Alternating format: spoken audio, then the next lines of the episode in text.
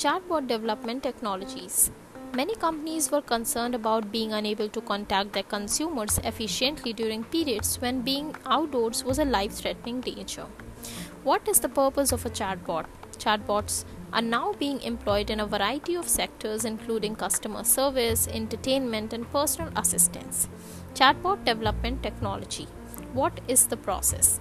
Natural language processing, that is NLP, and machine learning is used to create chatbots. Even though they seem to be a messaging app, they have a very rich application layer, database, and APIs functioning behind the scenes.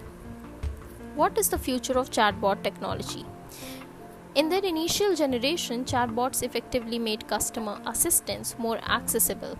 However, conversational AI has led to the way due to its technological constraints and inability to grasp the sophisticated human language, intentions, and other communication elements.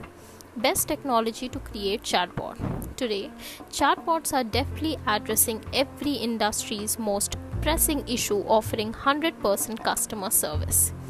ChatFuel is something that began offering bot building services in 2015 and this platform now allows users to create bots for practically any business. Then comes the Microsoft Bot Framework, which offers a bot builder with tools for creating chatbots. The next is API.ai. In 14 plus languages, including French, Japanese, and other languages, API.ai allows you to create text and voice based conversational application. Why are we the best at developing chatbots? Chatbots have become an integral aspect of any company's operation. Chatbot technology is continually evolving and providing new applications. Chatbots are being integrated into the everyday operations of businesses all around the globe. Yugasabot, a reputable software development company in India, has assisted several organizations in achieving more significant ROIs.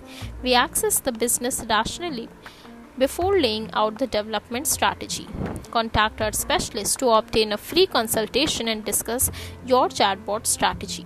Thank you.